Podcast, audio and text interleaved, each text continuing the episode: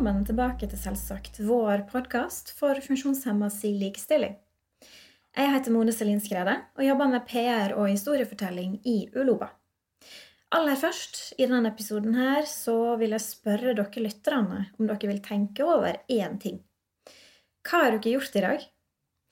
Har dere stått opp på kaldt gulv, gått inn i en varm dusj og stelt dere til lyden av kaffetraktere og radio?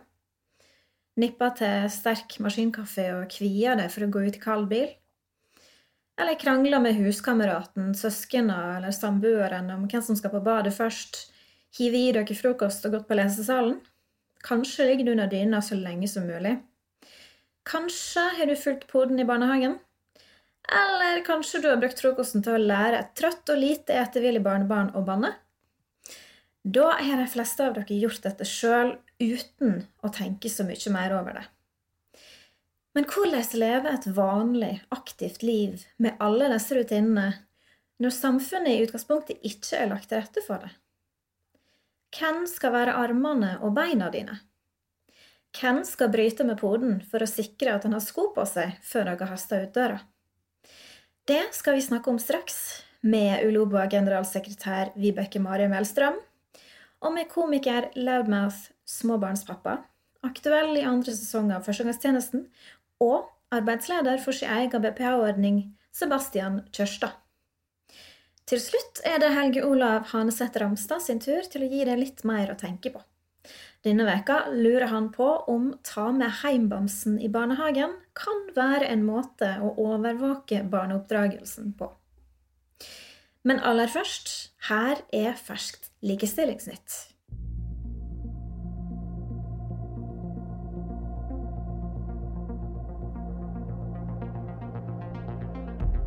Bjørn Erik Thon er utnevnt til statsråd til nytt likestillings- og diskrimineringsombud. Thon kommer fra stillingen som direktør for Datatilsynet, som han har ledet siden august 2010. Han har også vært forbrukerombud fra 2000 til 2010.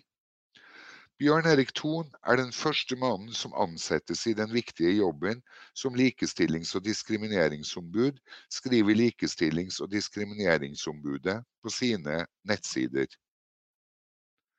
Nav er ikke nøkkelen til arbeidsmarkedet for funksjonshemmede. En undersøkelse Funksjonshemmedes Fellesorganisasjon har foretatt, viser at kun 6 av de spurte oppgir at de har fått hjelp fra Nav eller andre offentlige tiltak til å få jobb. FFO skriver også at både bedrifter og funksjonshemmede arbeidstakere sliter med å finne informasjon om støtteordninger for å tilrettelegge arbeidsplassen. Noen har assistenter helt utenom det vanlige. Da Stine Slettås Maklar ble tilbudt sykehjemsplass istedenfor flere timer personlig assistanse, foreslo assistenten hennes at Maklar heller flyttet inn hos henne. Det skriver Handikapnytt. Det skjer ikke bare at du skal flytte på sykehjem, du flytter inn til meg i stedet, sa assistenten Stine Christoffersen. Den tidligere stolthetsprisvinneren Stine Slettås Maklar er 30 år og i full jobb som journalist. Neste år kan det igjen bli mulig å samles i Brussel for å markere funksjonshemmedes rett til likestilling. Det europeiske Independent Living-nettverket, ENIL, pleier å arrangere Freedom Drive i Brussel annethvert år. Freedom Drive samler funksjonshemmede fra hele Europa til seminar og parade for likestilling. Nå undersøker Enil hvor mange som kan og vil komme til Brussel for å delta i slutten av september 2022, og om det fremdeles er interesse for digitale arrangement. Freedom Drive i år ble erstattet med en rekke webinarer denne høsten pga. koronasmitten.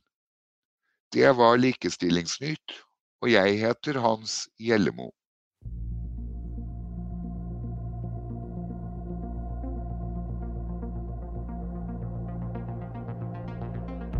Tusen takk til Hans Gjellemo. Hvordan leve et vanlig, aktivt liv med alle hverdagsrutiner når samfunnet ikke er lagt til rette for at du skal klare det?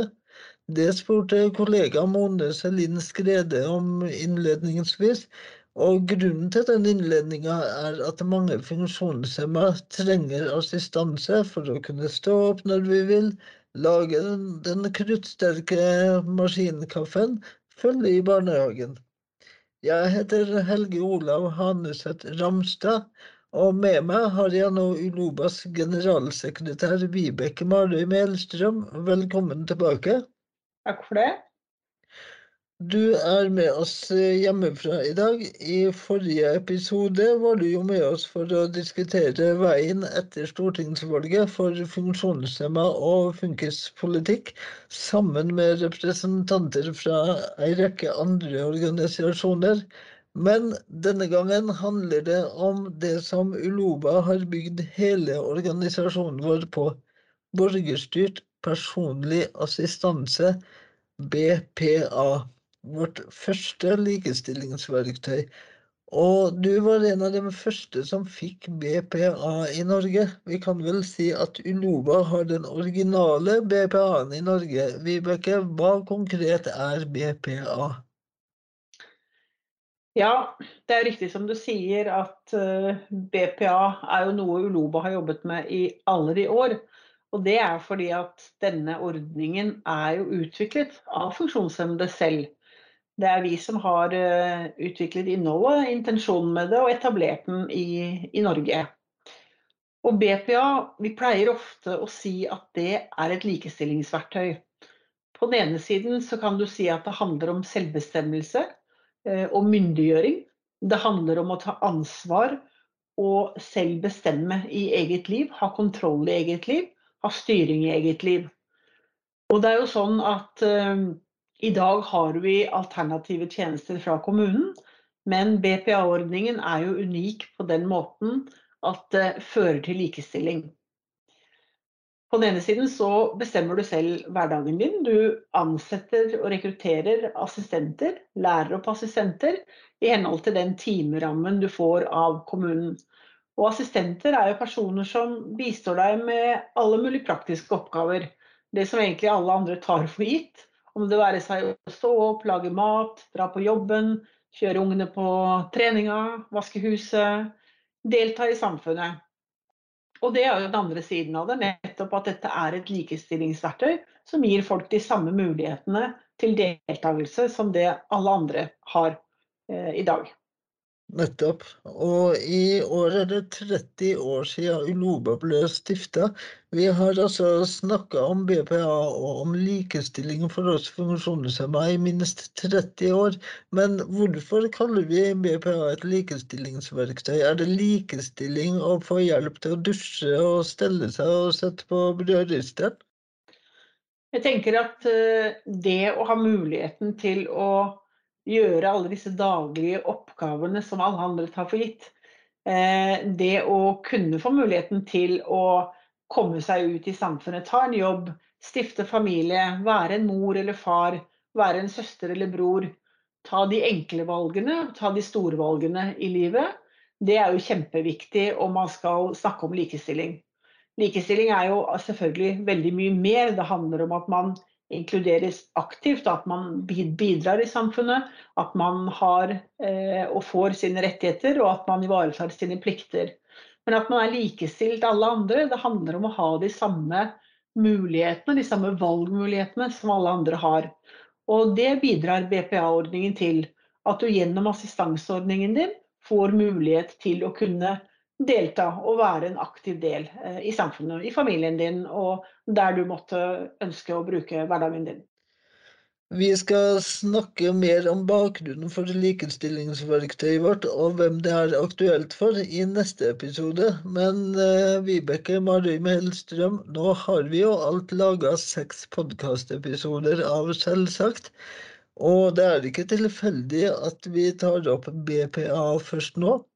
Nei, det er sånn at uh, regjeringen, forrige regjering, nedsatte et utvalg for å se på forbedringer som kan gjøres med BPA-ordningen. Det å sikre BPA som et likestillingsverktøy er viktig, og det har vært mange utfordringer de siste årene i forhold til hvordan ordningen har fungert. Så er det slik at dette utvalget skal levere sin utredning den 16.12. Eh, jeg sitter selv i utvalget og, og er veldig spent på hvordan dette blir mottatt og hvordan vi klarer å følge opp, ikke minst fra vår side, funksjonshemmede selv, men også da se hvordan regjeringen følger opp dette videre. Det blir viktig å sette et sterkt fokus på det som, det som kommer da den 16. Og den uh, offentlige utredninga om BPA, den skal vi òg snakke mer om i neste episode Selvsagt. Tusen takk til deg, Vibeke Marøy Melstrøm. I denne episoden handler det om hva BPA er, og hvorfor vi mener det funker. Da må vi snakke med en som lever et aktivt liv med BPA. Og vår neste gjest har dere denne høsten kunnet se i uniform og kamuflasje på NRK sammen med Herman Flesvig. Se her, pappa. Når det kommer sånn, så betyr det at han liker det. Jeg tror det å bli pappa, det er det heftigste som har skjedd meg. Det er det vakreste, og det å, å, få noe inn i livet ditt som betyr mer for deg enn deg selv, uansett, det er helt vilt. Men altså, noen kommer til meg og bare 'Pappa, du?' Nå hørte vi nettopp Sebastian Kjørstad og sønnen i kampanjefilmen vår 'Mindre prat, mer handling', som vi har laga sammen med regissør og filmskaper Mari Storstein. Se gjerne filmen vår om krafta i ei rørsle av, med og om oss funksjonshemma. Dere der hjemme kan finne filmen både i original og synstolka versjon på våre hjemmesider. Adressa vil ligge i transkripsjonen til denne episoden. Men nå Sebastian Kjørstad, velkommen til Selvsagt. Takk. Vi eh, gjør jo et skikkelig hjemme hos-intervju i dag, for nå sitter vi hjemme hos deg. Vi kjenner jo hverandre fra før, men for lytterne våre så er du først og fremst komiker, skuespiller, artist, loudmouth. Du har vel også skildra deg sjøl som Norges kjekkeste krøpling. Mens vi nå spiller inn episoden, så er den nye sesongen av Førstegangstjenesten ute, og du er med som minerydder. Gratulerer med det. Tusen takk. Det var morsomt å være med på en så populær serie. Det var gøy, det. Kan ikke du fortelle litt om, eh, om hvordan det har gått med innspillinga? Det var galskap. Altså, Herman spiller jo alle rollene i serien. Og, og skriver og gjør mye regi. Så jeg, det er veldig proff eh, jobb av NRK. Eh, men jeg tror det var, når det står på, så står det på. Jeg er glad. Jeg var bare to-tre dagers jobb og fikk bare se litt på. For jeg tror du er ganske sliten etter en to-tre måneders periode. Mm. Men du er jo også arbeidsleder i Uloba, og det har du vært siden du var ganske ung. Fortell oss om hvordan du fikk BPA. Jeg fikk BPA når jeg var 19, skulle fylle 20. Da var jeg ferdig med videregående og skulle flytte for meg selv. Så, så tror jeg at det var bare min behov for å flytte for meg selv, og så var BPA der, og så ansatte jeg de jeg skulle flytte inn med. Uh, sånn ble jeg BPA-leder. Så fikk jeg kurs. Måtte jeg gå på kurs, arbeidslederkurs og alt. Det var, men det begynner å bli gode 20 år siden. 25 år siden. Ja. Hvordan er en vanlig hverdag med BPA for deg? En vanlig kveld med BPA er eh, altså En vanlig dag så starter jeg med at jeg står opp, og de er enten her eh, når jeg våkner, eller så kommer de veldig snart. Og så er det frokost. Kommer an på hva jeg gjør, om jeg dusjer på dagen eller på kvelden. Spørs når jeg skal ut og gjøre ting. Og så lage lunsj, så er det å hente min sønn, som jeg gjør, mens de lager mat. Og så er det stell av min sønn. Hvis ikke det er min sønn, så er det ja, hva enn jeg kan finne på å gjøre. Og så legger jeg meg når jeg føler for å legge meg, og så har dagen gått. Mm. Eh, hva, hvor mange assistenter har du i ordninga di? Jeg har, Nå bruker jeg fire fast ansatte, og så prøver jeg å ha en eller to tilkallingsvikarer. Mm. Mm. Eh, hva er den største tabben du har gjort med BPA? Det er et godt spørsmål, egentlig. Eh, den største tabben jeg har altså, Jeg har ansatt bare venner og veldig gode, nære personer hele livet. Og det er, det er ikke noe jeg angrer på, for jeg måtte ha gjort det sånn. Jeg har ikke noe A4-liv, sånn, men det er fortsatt eh, Mange ganger jeg føler at jeg har ansatt noen som trenger hjelp, og ikke fordi jeg trenger dem. Eh, og til tider har det vært en tabbe, for det blir mer slitsomt for meg. Men det er klart, eh, man lærer av sine feil. Mm. Du ansetter jo assistentene dine sjøl. Eh, hva mener du samfunnet får igjen ved å velge BPA til funksjonshemma med assistansebehov? De får en masse, Det er jo en arbeid altså, med, en, med, en, som har litt vedtak, har jo Det er en arbeidsplass eller to eller tre, ikke sant? Og, og, og, det er en arbeidsplass som ikke behøver noe spesialutdanning hvis ikke du har behov for Det som er så deilig med BPA, er at man kan velge hva slags behov man har selv, og så søke på de menneskene man trenger. De som ikke trenger sykepleiere, trenger ikke det. Og det er bra for samfunnet. Vi trenger helsearbeidere, har de siste to-tre årene lært oss at det har vi mangel på. Og at de blir frigjort, sånn at vi kan bruke andre assistenter. Det er kjempebra. Og så tror jeg integrering, altså man kan bruke LOBA og assistenter som en kjempemulighet for integrering av minoriteter som kommer til Norge. Asylsøkere som trenger å jobbe mens de tar utdanning eller bygger på utdanning eller lærer seg norsk. Det er masse eh, muligheter med å bruke assistenter og arbeidsplasser. Så det, at det er en utgift og ikke en mulighet, det forstår jeg ikke. Mm. Eh, du snakker jo nå om å, å, ansette minoriteter. Og når vi snakker om BPA i Uloba, så er, er ikke ordet likestilling langt, langt, unna. Er BPA med på å likestille deg? Absolutt.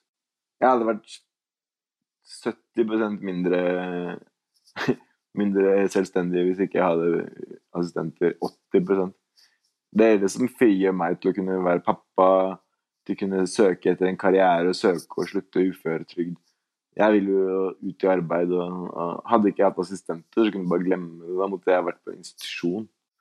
Helseinstitusjon eller et eller annet. Eller, ja, eller på min nåde av min familie eller et eller annet. Og det er ikke sånn, sånn skal ikke verden være. Mm. Og når du jobber, f.eks. når du skal på scenen eller du er på filmsett, eller så har du med deg assistent, hva gjør assistentene dine da? eh, alt mulig fra hvis jeg må på do, til mat, til uh, alt jeg trenger for å slappe av. Om det er en, en no, hva enn hva enn jeg trenger, basically. Hva er det rareste du har brukt assistenten din til? Uh, ja, du sier det. Altså, jeg kan ikke tenke hvor mange ganger assistenten har måttet kjøre min elektriske rullestol hjem for jeg er for full til å kjøre, liksom. Hvor de sitter foran meg på rullestolen, og jeg sitter bak og enten sover eller bare ler at de kjører dårlig. Uh, og så kjører de rullestolen hjem. Uh, det står vel ikke akkurat i en stillingsbeskrivelse at du må kjøre en drita full arbeidsledig hjem for han ikke skal kjøre rullestolen inn fra byen, men det har skjedd. Ja, og hvis du til f.eks. skulle hatt kommunal hjemmetjeneste istedenfor BPA, hvordan hadde livet ditt sett ut da? Hjemme Den blir som å ha på seg fotlenke, da. Basically. I hvert fall for min del. Jeg Det å jobbe for meg er heller ikke en jobb for sarte sjeler. Så, så altså, hvis det hadde vært en dame som kom inn, eller en kar som kom inn med litt sart sjel da, så hadde jo ja, det hadde aldri verden gått bra. Hva legger du i 'det er ikke en jobb for sarte sjeler'? Er du en vanskelig arbeidsleder? Nei, absolutt ikke, men du skal ha litt uh... Du skal ha litt uh, bein i nesa, fordi det, du kommer opp i situasjoner du må reise, du må møte masse folk, du eh, Jeg liker å ta meg en fest, jeg liker ja, altså Du kommer utenfor rare situasjoner, liksom, så det er ikke en jobb for sarte sjeler. Tusen takk for at du deler hverdagen din med oss. Og husk å se Sebastian i førstegangstjenesten. Og følg han gjerne på Instagram limles-oslo. Nå har du, håper jeg, fått ei innføring i hva BPA, borgerstyrt personlig assistanse, er, og hvordan det kan gjøre oss funksjonshemma rusta til å leve et vanlig, fritt og aktivt liv. Det er nemlig ikke sjølsagt for alle, sjøl ikke i Norge. I neste episode skal vi holde fram med å snakke om BPA, men da med et nytt knippe spørsmål, nye folk og med en ny innfallsvinkel. For hva er det som gjør at mange ikke får BPA? Og hvorfor opplever mange som har BPA, at de ikke får nytte det som et likestillingsverktøy? Følg med neste gang. Nå skal kollega Helge Olav Haneseth Ramstad gi deg litt å tenke på. Denne gangen om en kanskje ikke fullt så uskyldig kosebamse. God lytt!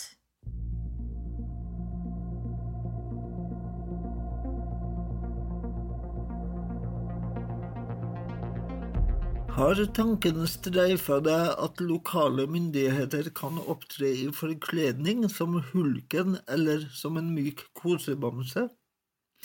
Noen ganger får du med deg et ugjenkjennelig, skummelgrønt barn hjem fra barnehagen og må levere søtnosen neste dag med spor etter hulken i øregangene fordi det var umulig å vaske bort ansiktsmalinga er det en ørliten mulighet for at mengden malingsrester rapporteres til familieetaten som tegn på dårlig stell i heimen.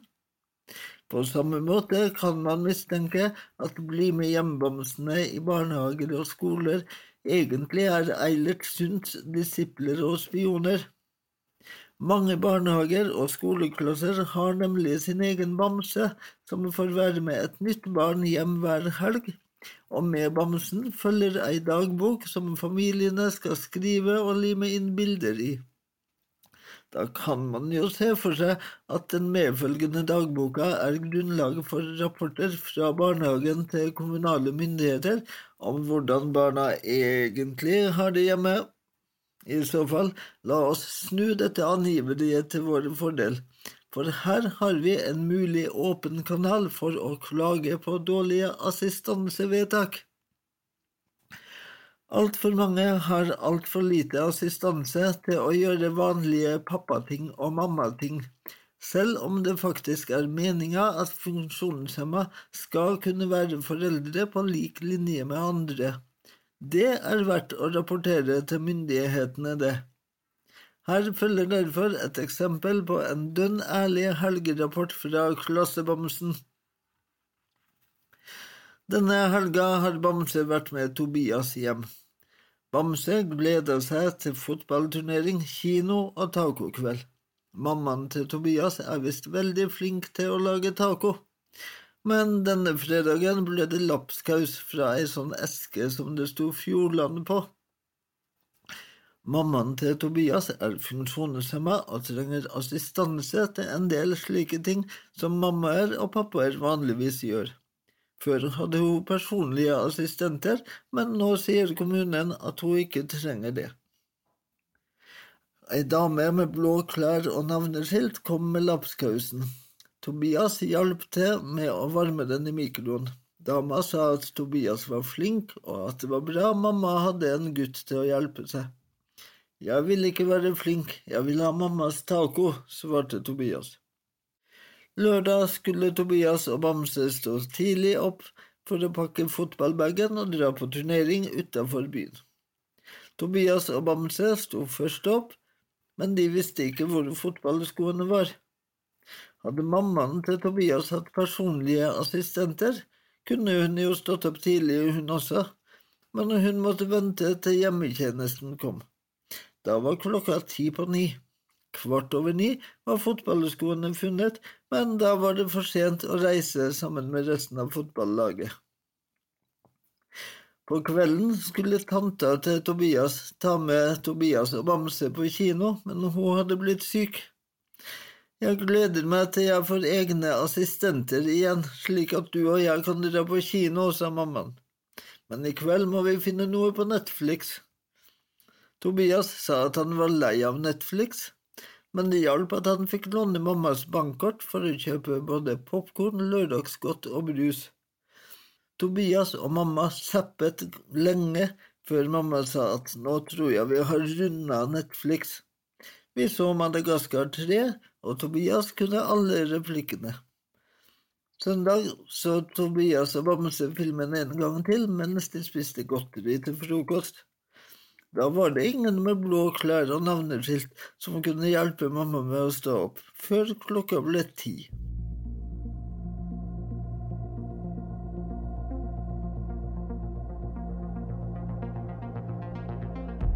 Takk for at du nå har hørt sjuende episode av Selvsagt. Mange har ennå ikke hørt om oss, og veit ikke at podkasten vår fins. Det kan du hjelpe oss med. Lytt og abonner på Selvsagt. Få venner, kollegaer, naboer og familie til å lytte og til å følge. Så får de beskjed hver gang vi kommer med nye episoder.